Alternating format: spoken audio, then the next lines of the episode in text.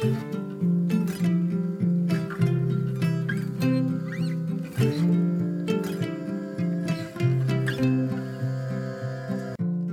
och välkommen till For Health med Anna Sparre. Idag pratar vi med läkaren Marcus Gitterly om skräp och avfall i cellerna. Skadade och förbrukade proteiner och annat. Vi pratar om hur det påverkar din hälsa, hur du minimerar denna belastning i din kropp och hur du kan arbeta med kost, tillskott och annat för att minska avfallet i cellerna och hålla dig ung och frisk. Tack till vår sponsor Selexir som gör den här podcasten möjlig. Selexir innehåller flera av de ämnen som du kommer att få höra Dr. Giddley berättar om i avsnittet. Några av de mest potenta tillskotten för våra celler och mitokondrier i en enda tablett. Bland annat innehåller Selexir koenzym Q10, PQQ och acetyl-L-karnitin. Just nu får du köpa två månaders förbrukning av Selexir men bara betala för en månad om du anger koden ANNA vid beställning. Eller ange ANNA15 om du vill prenumerera på Selexir med 15% rabatt. Gå till selexir.se. I den här versionen av intervjun så finns det svenska sammanfattningar. Vill du hellre lyssna på den hela engelska intervjun utan några översättningar så lyssna på avsnitt 209b. Om du gillar den här intervjun så dela med dig av den på Facebook, Instagram eller till en vän. Och gå in och lämna en recension i iTunes.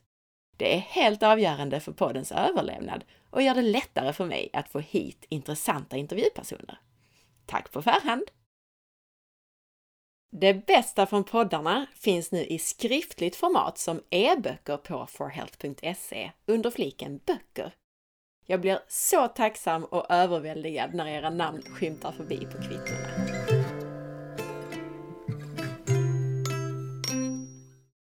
Dr. Marcus Gidley är en välrenommerad läkare och specialist inom vävnadsregenerering. Han leder ett stort team på ett av de mest framstående sjukhusen i USA. Han är också en läkare med en konventionell medicinutbildning som började fundera över varför hans yrkeskår fokuserar på sjukdom istället för att stötta hälsa. Han började studera åldrandeprocessen och blev en av de första läkarna som examinerades från The American Board of Anti-Aging Medicine. Detta är ett fördjupningsavsnitt till ett av ämnena som vi pratade om i avsnitt 183. Och det är ett helt fristående avsnitt, men lyssna gärna också på avsnitt 183 för att få ännu mer kunskap om celler, cellenergi, åldrande på cellnivå och mycket annat. Marcus, welcome back. Hey, thank you. Great to be back. In episode 183, we discussed cellular garbage, as you call it, or cellular debris. And I think we need to repeat a few of the questions we talked about then, but we will also dig a little bit deeper into the subject. So, first of all, what is this? What is cellular garbage?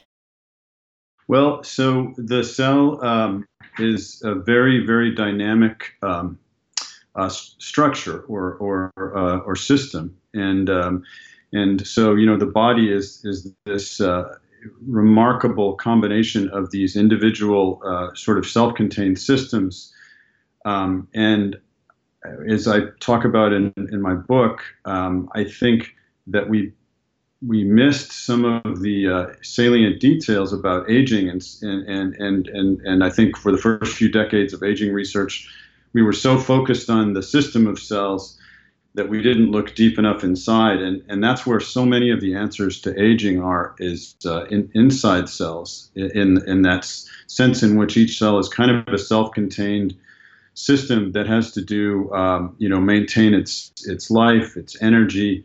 Um, it has to uh, clean up after itself as it were. You know it has to put out the garbage. It has to take in nutrition. It has to process the nutrition um, it, you know, it has an internal genetic code that it has to maintain, uh, which it uses to to make uh, spare parts, and it's a very very complex structure, as as you know. And I think that's kind of the beauty of this, and that's where all the secrets lie, is in this vast complexity uh, when we start getting down inside the cell itself. So, um, because these are such complex structures and because they're so dynamic, um, they're not like our cars. You know, our car seems like a complex structure, uh, and of course it is, thousands and thousands of parts, but they're fairly static and they're sort of replaceable. Um, and, and the body is nothing like that. A cell is just uh, you know many many many orders of magnitude more complex than than any of the machines you know that we we we build as humans and so the way the cell handles this is these these parts are uh, very dynamic. They're constantly being um, uh, maintained and sometimes replaced. And uh, you you uh, mentioned a term that is a wonderful term um, that has been used in aging circles repair deficit.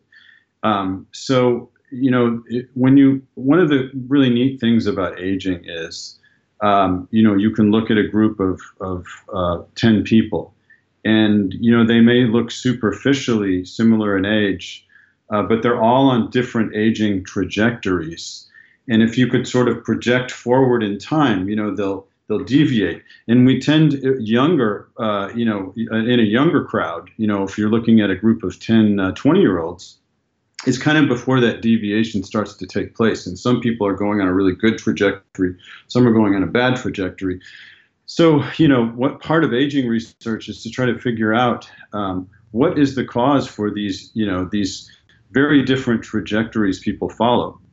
And uh, you can look at it through many different lenses and in, in terms of life habits, lifestyle, you know, uh, diet, and so forth.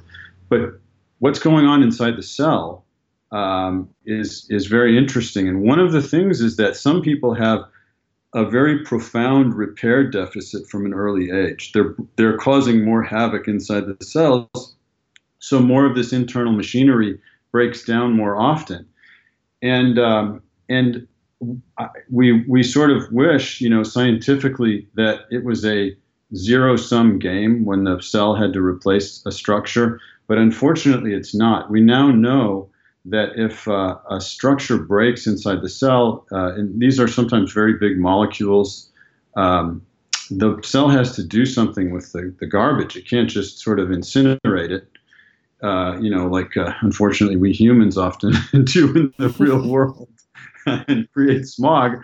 Uh, so it gets put into uh, little organelles that sort of, they're like trash bags. And if you look at some people's cells as they age, they look like a garbage dump full of trash bags. And uh, there are different names for these pigments, but the, in fact, they're broken down uh, in, in many cases proteins um, uh, and other kinds of molecules, sometimes fats, uh, sometimes lipoproteins, combinations of fat and protein. And, and they're stuck in these, uh, these garbage bag organelles. And so uh, if you don't have a large repair deficit, your cell isn't called upon to take uh, parts out of commission so often, um, and uh, so you won't have as many of these garbage bags.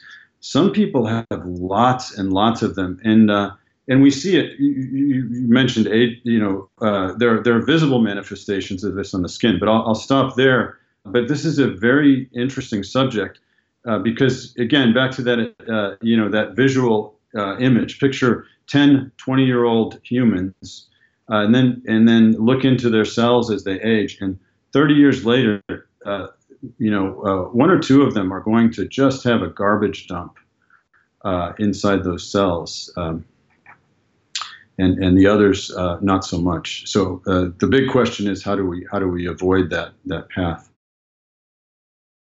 We have these garbage bags full of of garbage and the more we have the worse the more aged we are i guess it relates back to what we spoke about the last time about the cellular energy, uh, I suppose. I mean, if, if we don't have enough cellular energy, it's harder for us to take out the trash. Yes, that's right. Absolutely. Because this is a very energy dependent process. The process of just creating those repairs. And, and really, we, you know, this, this so the cell, if it has a, a major broken uh, system, um, you know, that's creating a function deficit. And so the first order of business for the cell is to to repair that so it can perform that function efficiently, um, and and that requires energy. And we talked about that in our our last uh, uh, uh um, discussion.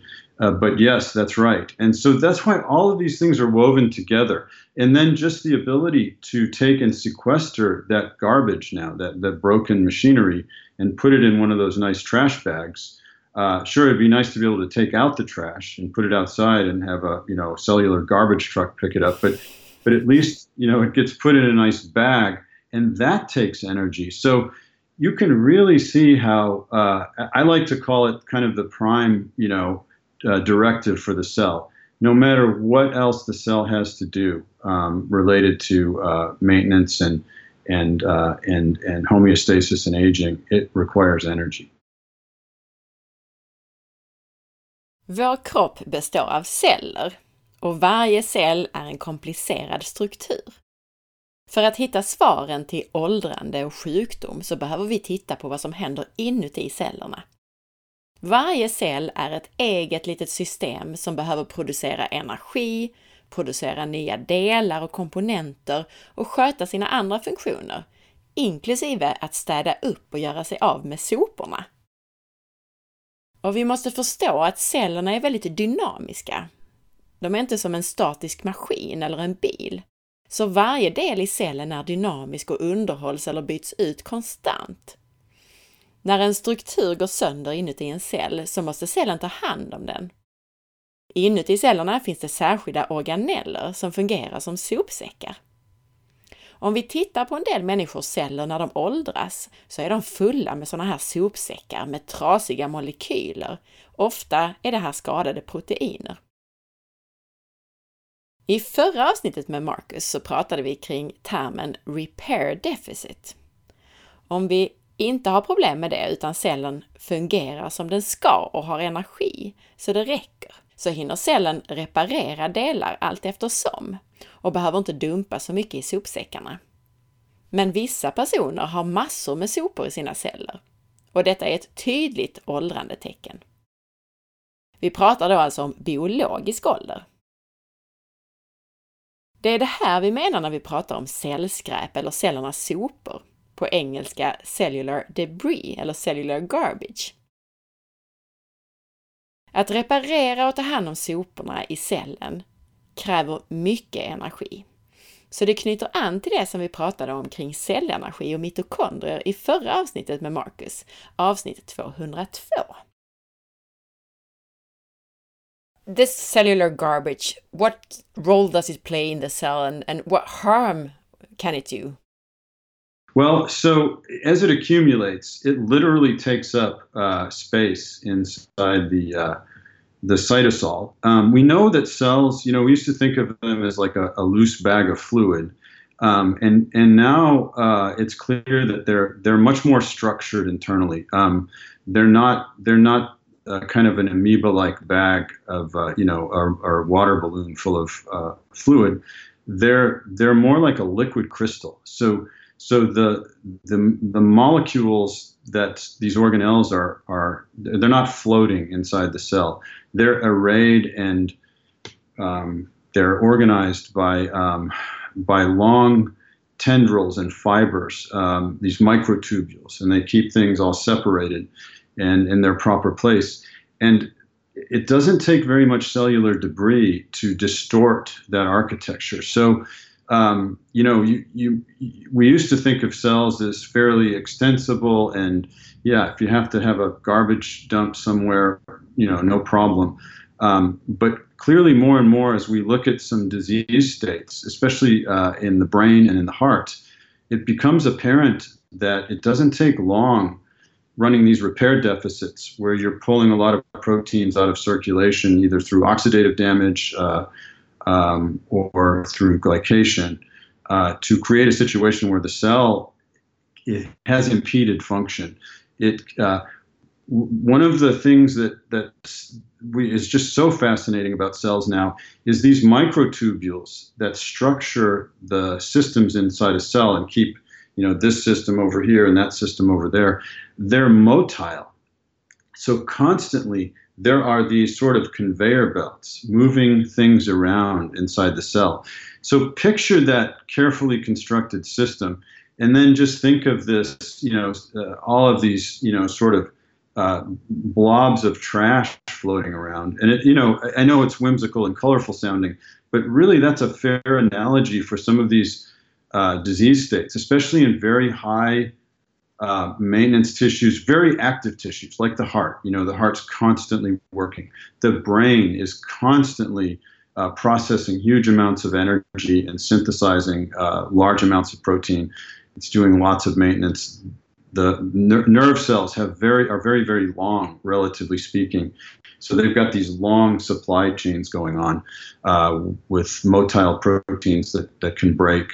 And think of that burden and it, it really makes sense that that would be sort of a, a, uh, a, a linchpin of, of a lot of disease. And it really is proving to be that way. So if you look at Alzheimer's uh, disease, you know, we see an accumulation of broken uh, proteins. You look at Huntington's disease, um, you see accumulations of, uh, uh, in this case, not broken proteins, but another kind of trash, which is, uh, is little circles of, uh, of RNA, um, the, uh, the coding uh, uh, molecules that are used to transcribe DNA uh, and make proteins. So I, I, think this is an emerging frontier, and it just gets back to that central idea of, you know, keeping that repair deficit from happening.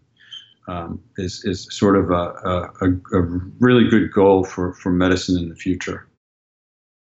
Skräpet som vi pratar om är ofta proteiner som skadats på grund av oxidering eller glykering. Och med glykering så menar jag det som kallas för glycation på engelska, vilket handlar om att sockermolekyler fastnar på andra molekyler. Problemet med det här skräpet i cellerna är inte minst att det tar upp plats och cellen kommer att få mer saker som den måste flytta runt och hantera. Detta syns inte minst i metabolt aktiva vävnader som hjärnan och hjärtat. Thanks for that explanation. And on this topic, you sort of mentioned age spots. What are those? So those are called lipofuscin, and uh, and those are um, accumulations of um, a material um, that um, is is one of the more common um, uh, forms of, of, of, of cellular uh, debris, and um, they it actually produces visible spots. Um, it's it's really kind of a, a yellow brown pigment, and they're uh, they're partially so so when when we sequester um, things inside these trash bags, there actually is some activity that goes on to try to break them down. Um, and we find these in, in liver. Uh, it's one of the things that, that uh, uh, changes the color of liver as we age, uh, kidneys, heart muscle.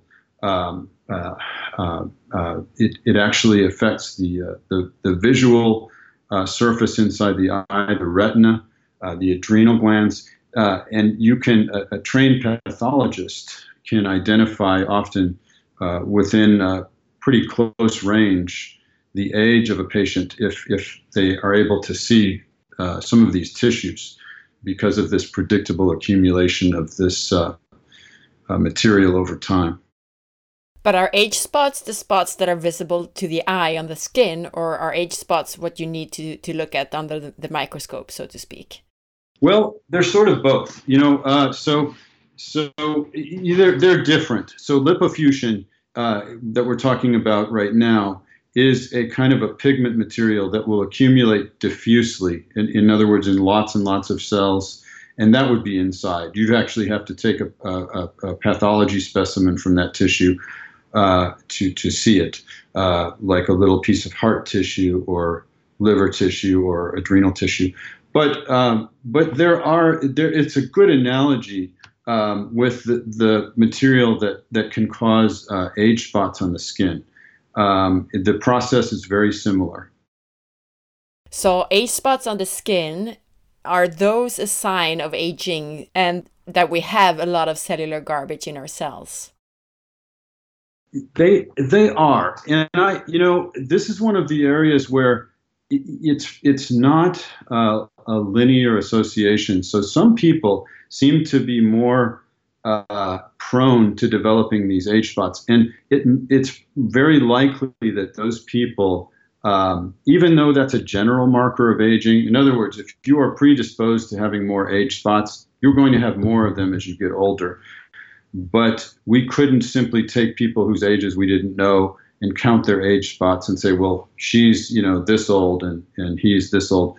Um, but but yes, they are they're markers of aging, and so over time, regardless of your predisposition to uh, age spots, you will tend to develop more of them. Now, this is one of the holy grails in this field, and I am of the opinion that when people are implementing strategies that will um, that will improve cellular metabolism, that they're going to go on a different trajectory. Even if they've got that predisposition to age spots, which we all know some some people like that, I think you can really slow that uh, accumulation. Interesting. And just for the listeners to understand, what do age spots look like? If if they want to look at on their skin and, and have a look and see if they have age spots, what do they look like? Well, so they'll be sort of uh, brownish, uh, sometimes uh, uh, um, they can be so dense, you know, that they look they appear black. Um, they can be lighter, kind of yellowish brown. And again, this this is this same kind of cellular debris, and you'll see it selectively accumulate. It's one of the things that uh, is intriguing about uh, the aging process is why would you see a group of cells, you know, on your forearm uh, that were acting much older than the cells around them? And that's a whole that's a question for a you know a, a, another podcast because our cells don't all age sort of at the same rate. You know, some of them might be more stressed than others. Um, and and so that's a useful thing to remember. You know that not every cell in your body is as stressed as every other. Um, so, but one of our strategies is to lower that baseline stress for all of our cells. But that's what it is. When you see those spots on the skin um, that, that, that are the one, not, I'm saying not a mole, uh, you know, not not from some other cause, not a, a nevus, uh, you know, not uh, you know a, a, cancerous skin lesion. Uh, but we're talking about those pigmented spots that accumulate with age. That is lipofuscin in the skin. Lipofuscin är en av de vanligare formerna av cellskräp som ger synliga fläckar. Age spots, åldersfläckar, ett gulbrunt pigment. Och det är inte exakt samma som det som ger synliga åldersfläckar på huden, men det är en bra analogi eftersom processen är liknande. Fläckar på huden kan vara ett tecken på att det finns mer åldersfläckar inne i cellerna i kroppen.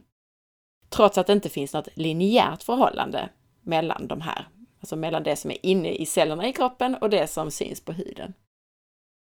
Vi pratar alltså om pigmenterade fläckar som ackumuleras med ålder, inte om vanliga födelsemärken. So now you mentioned lipofusion, but there is another word. I think it's pronounced neuromelanin. Neuromelanin. Yeah. Exactly. Yeah. It's what's another, that? Another, right. So neuromelanin is another example of the uh, uh, this sort of uh, age-related, degenerated, uh, you know, cellular material that is sequestered in, in organelles inside the cell, um, and um, it is very similar, uh, and it it again it pigments uh, the brain, and so um, you know it's it's it's a way that the the the nerve cells will uh, put together um, large quantities of debris in a polymer. You know, they, they link them together uh, and, and try to store them away. Um, you, typically, we see this in uh, the parts of the brain that, uh, that uh, uh, are involved in dopamine nerve transmission. Um, and um, it does correlate with, with brain aging. So um, I'm thinking Parkinson when you say dopamine. Is that any? Well, it, it, interestingly enough, um, and and neuromelanin, um, you know, is something that has been correlated um, as as uh, being more likely to accumulate at a faster rate in Parkinson's disease. And, you know, Parkinson's disease affects dopaminergic neurons. Um, and it is, even though I think the jury's still out as to the, the you know, a, maybe the unique cause of Parkinson's, we know that those cells are, they have a huge repair deficit. Um, they are critically challenged in terms of their, you know, their mitochondria. Um, we know again that they're accumulating neuromelanin, this debris, uh, you know, from from broken down uh, products of production of the neurotransmitters in those tissues. Um, it's very challenged tissue. So as to what comes first, um, I think you know uh, uh, the neuromelanin is not causing the Parkinson's, but it's it's a um, it's an epiphenomenon that that helps us visualize that these are challenged tissues. And I think Parkinson's is a great um, uh, uh, example to bring up because when you look at Parkinson's, we know of many natural strategies that have shown profound improvements uh, in Parkinsonian uh, uh, people that are suffering with Parkinson's disease. And I think it illustrates the fact, again, of this repair deficit. I love that terminology.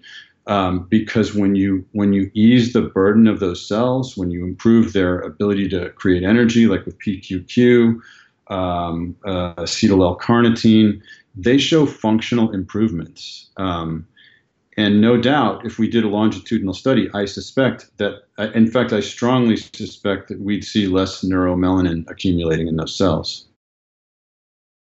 So, if you have Parkinson in your family, you should focus on cellular energy and acetyl L-carnitine and PQQ, and as you mentioned. Yes, we'll talk about later. In, absolutely. I mean, it's unequivocal. The data is so exciting. N-acetylcysteine, uh, uh another example. Um, um, you know, um, com, uh, uh, uh, fractionated coconut oil. Um, uh, so many things have shown improvements, but in particular PQQ, um, and it, uh, it's very exciting. I I, I think um, where you can really see this illustrated is is if any of your listeners have a family member with Parkinson's, there are very, very active uh, interest groups where they share their breakthroughs. And it, it's a great example of a disease that uh, even before we know, you know, a definitive cause, uh, and even before we have any semblance of what you might want to call a cure, we have answers that that are very, very powerful simply because we follow the logic of supporting cell function. And, um, you know, and you've looked at this before. I, am probably you've had guests in this regard, but you know, if we look at some of the data on PQQ, um, people have noticeable improvements in uh, in memory, in movement, in uh, mentation, uh, just uh, you know, cognitive function in general with PQQ. Even even with advanced Parkinson's. So very exciting. Very um, interesting. Um, yeah. Yes. I, I, have a patient with um, multi-system um, uh, dysfunction, uh, which is another poorly understood brain disease, and it shares some characteristics of some of the other degenerative brain diseases. Um, and uh, recently, I, have just I've been so heartened because with PQQ uh, and N-acetylcysteine, he's made pr- probably the best improvements um, that he's made. He's on exotic, you know, orphan drugs and so forth, and has had limited success. But with PQQ, um, coenzyme Q10, uh, and NAC, he's made really impressive improvements. So uh, this is a very recent case. So. Uh, very exciting to me. Brain, brain, the brain is a great tissue for looking at aging uh, because it is running full out uh, all the time. Uh, it's one of the highest energy consuming, the highest energy consuming tissue perhaps in the body. Um, and, you know, that's just a reflection of how much is going on in those cells. So they're going to be the first to suffer and manifest um, you know, accelerated aging. And, and they're also some of the first cells to really respond and show gains and benefits when you start, uh, you know, addressing these cell needs. Fantastic to hear about your patient there. And also, it's interesting what you're saying about the brain because a lot of people, people's first symptoms that's that kind of you know brain fog or that kind of feeling so that's interesting that you talk about that. That the brain is usually where you get the symptoms first. What what is the uh, the phrase "the canary in the coal mine"? Uh, you know, the they used to take a canary into a coal mine because they they would pass out before the miners did. Yeah. Neuromelanin är på liknande sätt som lipofusion, ett ämne som ansamlas i celler. Man kan säga att det pigmenterar hjärnan. Det handlar om nervceller som ansamlar skräp. Och nervcellerna sätter ihop skräpet till en polymer och försöker lagra det på det här sättet. Försöker lagra skräpet genom att sätta ihop det så här. Och man ser ofta detta i delar av hjärnan som är involverade i dopaminneurotransmission.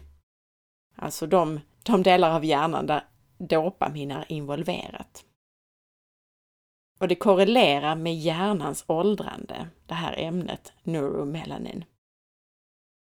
Och det finns dessutom en korrelation mellan snabbare ansamling av det här ämnet neuromelanin och Parkinsons sjukdom.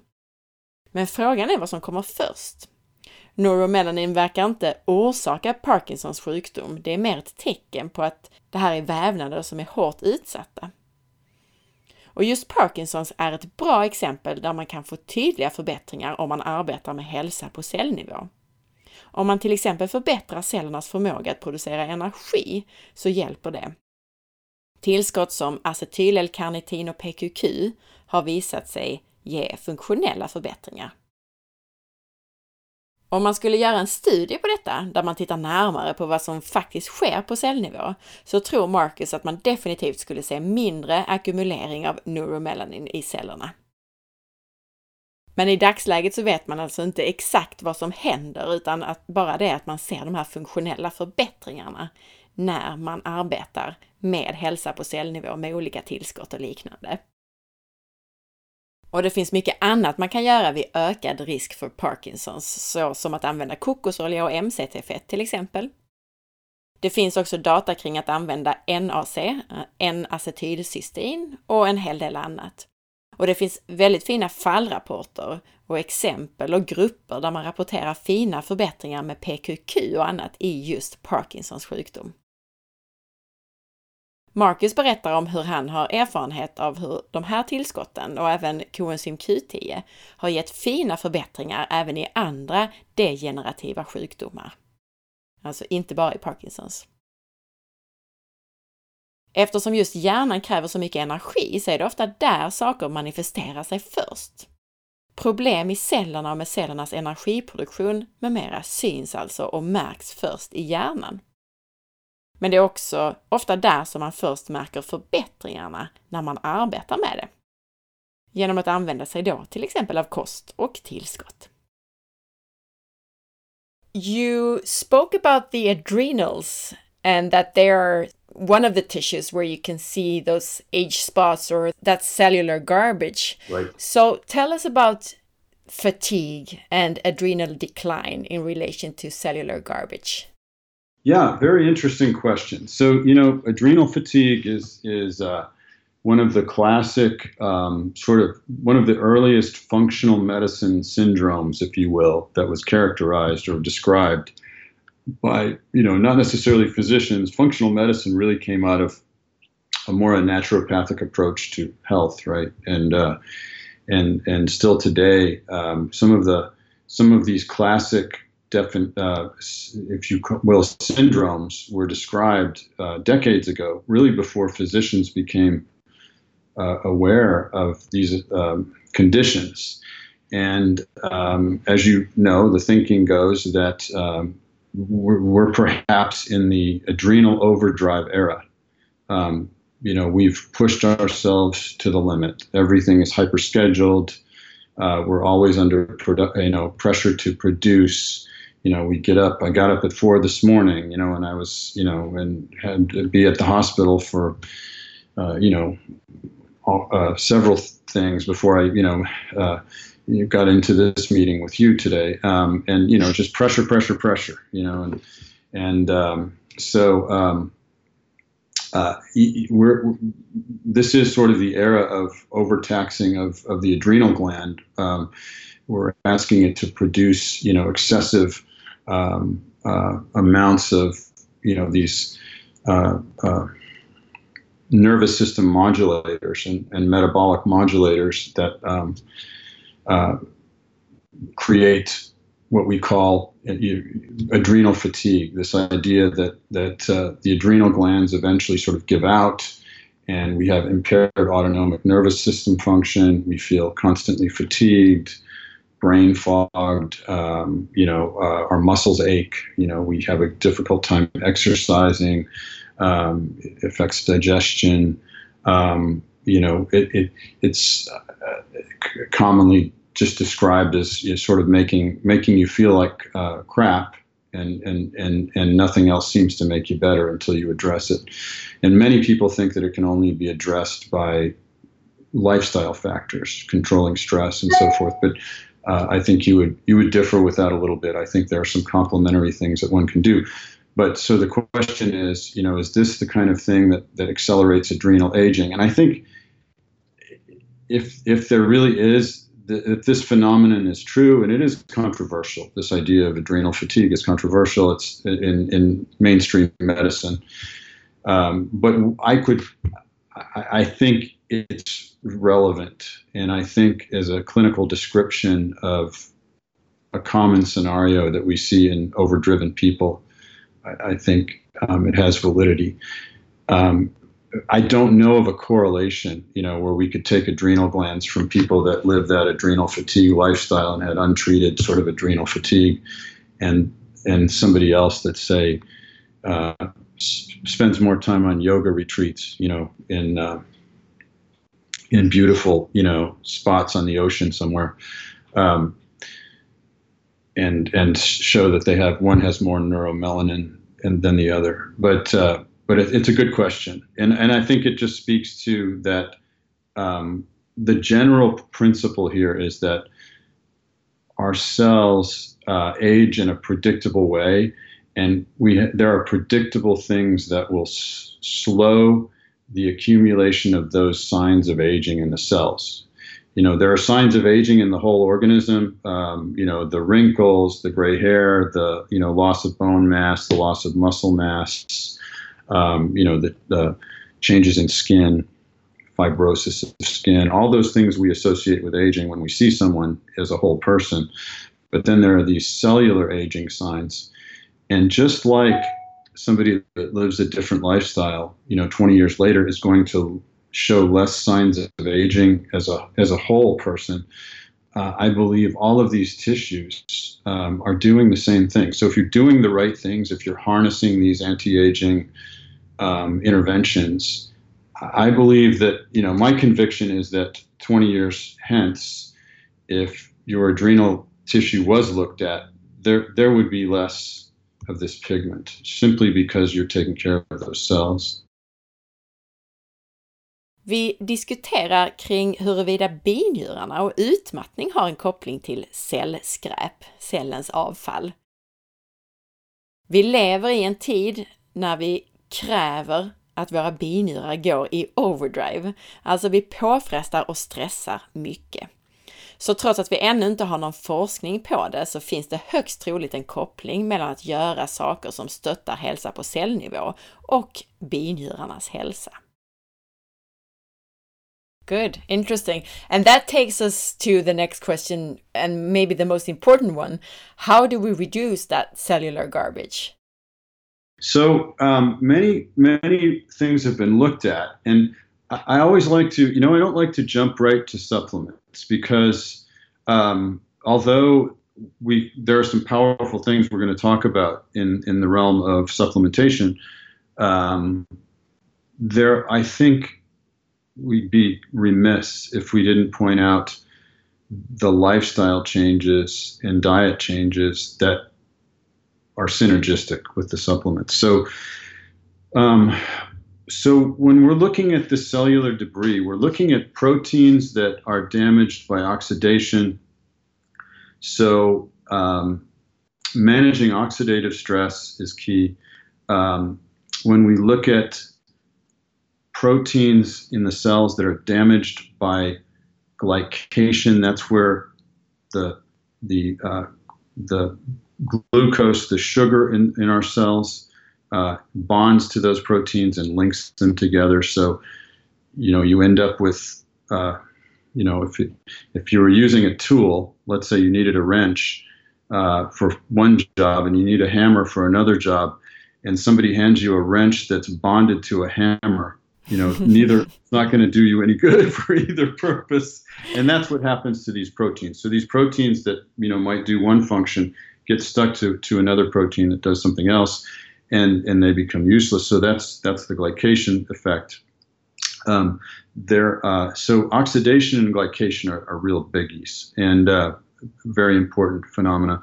They're going on in all of us. So how can we address both of those? Well, um, you know, the glycation, I think, um, it's key. It, uh, diet is is absolutely um, is key. Um, we know that if we're eating a, a, a lower impact diet in terms of uh, glycation, that means we're going to be eating um, a low carb diet, basically. And, and, and, you know, it's, it's not news to anyone who's heard me before, that, but I'm a strong advocate of a, a um, lowering carb intake in general, carbohydrate intake, because I think that's the baseline way of managing glycation.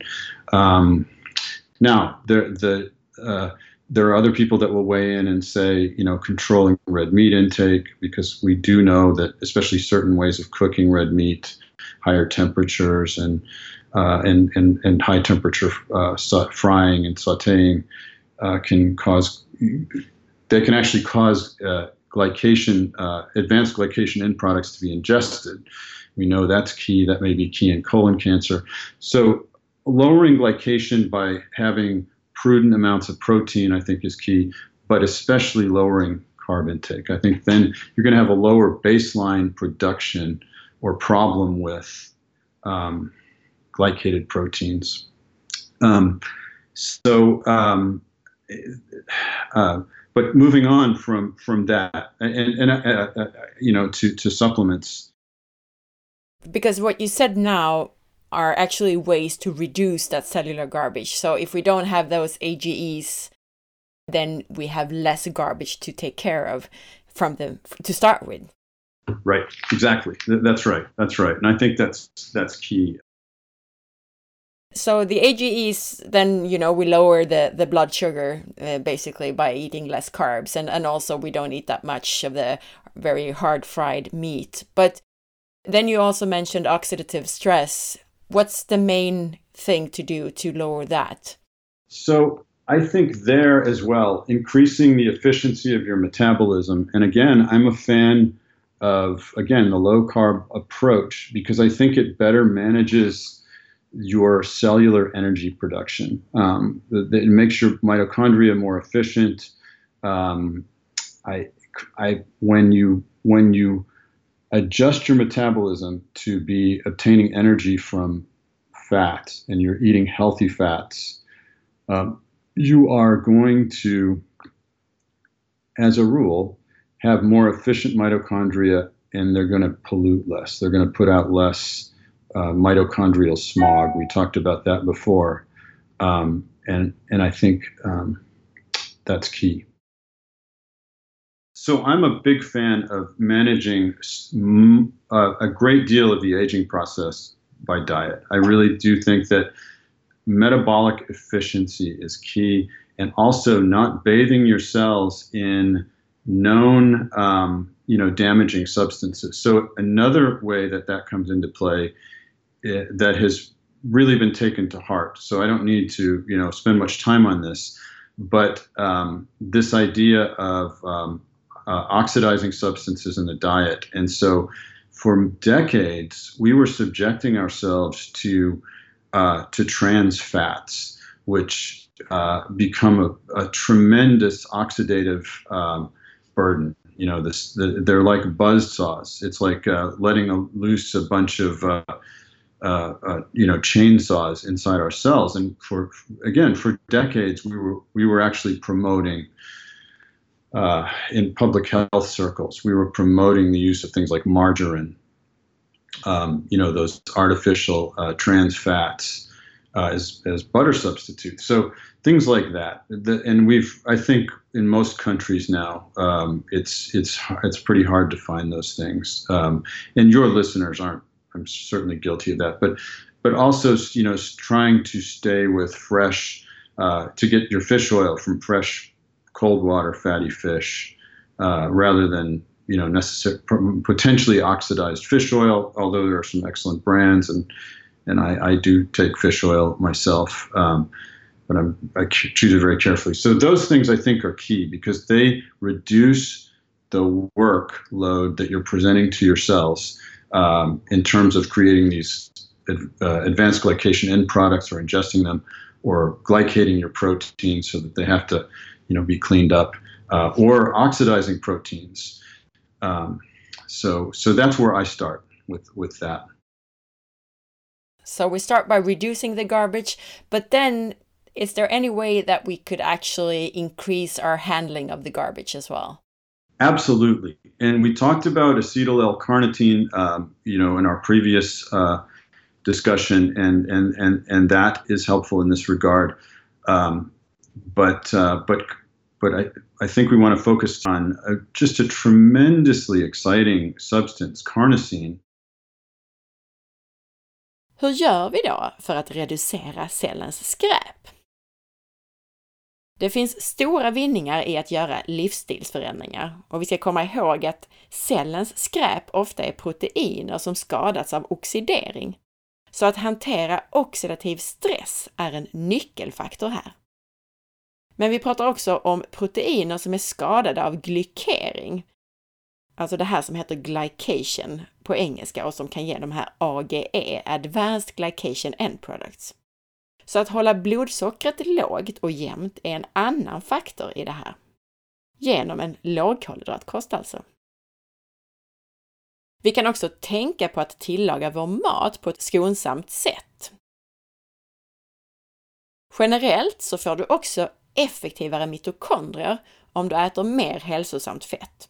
Och därigenom så minskar du den oxidativa stressen från energiproduktionen i cellerna. Alltså man kan se det som att du förbränner energi på ett bättre och effektivare sätt med mindre dåligt avfall i dina mitokondrier när du äter mer hälsosamt fett i din kost. Men det handlar också om att undvika att äta saker som är oxiderande. Vi pratar då bland annat om transfetter. Och Marcus poängterar att hellre då få i sig omega-3 från fisk än från tillskott som potentiellt kan vara oxiderade. Det är ett väldigt känsligt fett, den här fleromättade omega-3-fettsyran, så det är lätt att den förstörs i tillverkningsprocessen. När det gäller tillskott så är acetyl-L-karnitin någonting som kan hjälpa. Och vi pratade mer om detta i avsnitt 183. Och karnosin, som Marcus pratar om här nu, det får du lära dig mer om i nästa avsnitt med Dr. Marcus Gitterly. Så håll utkik!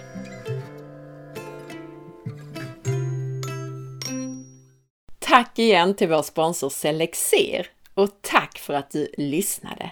Jag hoppas att du gillade det här avsnittet. Gjorde du det så dela med dig av det och sprid så att fler får ta del av den här spännande informationen om hur kroppen fungerar. Gör också som Otilias och lämna din recension i iTunes. Otilias skriver Outstanding! I särklass den bästa podden om hälsa. Anna Sparre är en superstjärna Bättre än så här kan det inte bli. Tusen tack!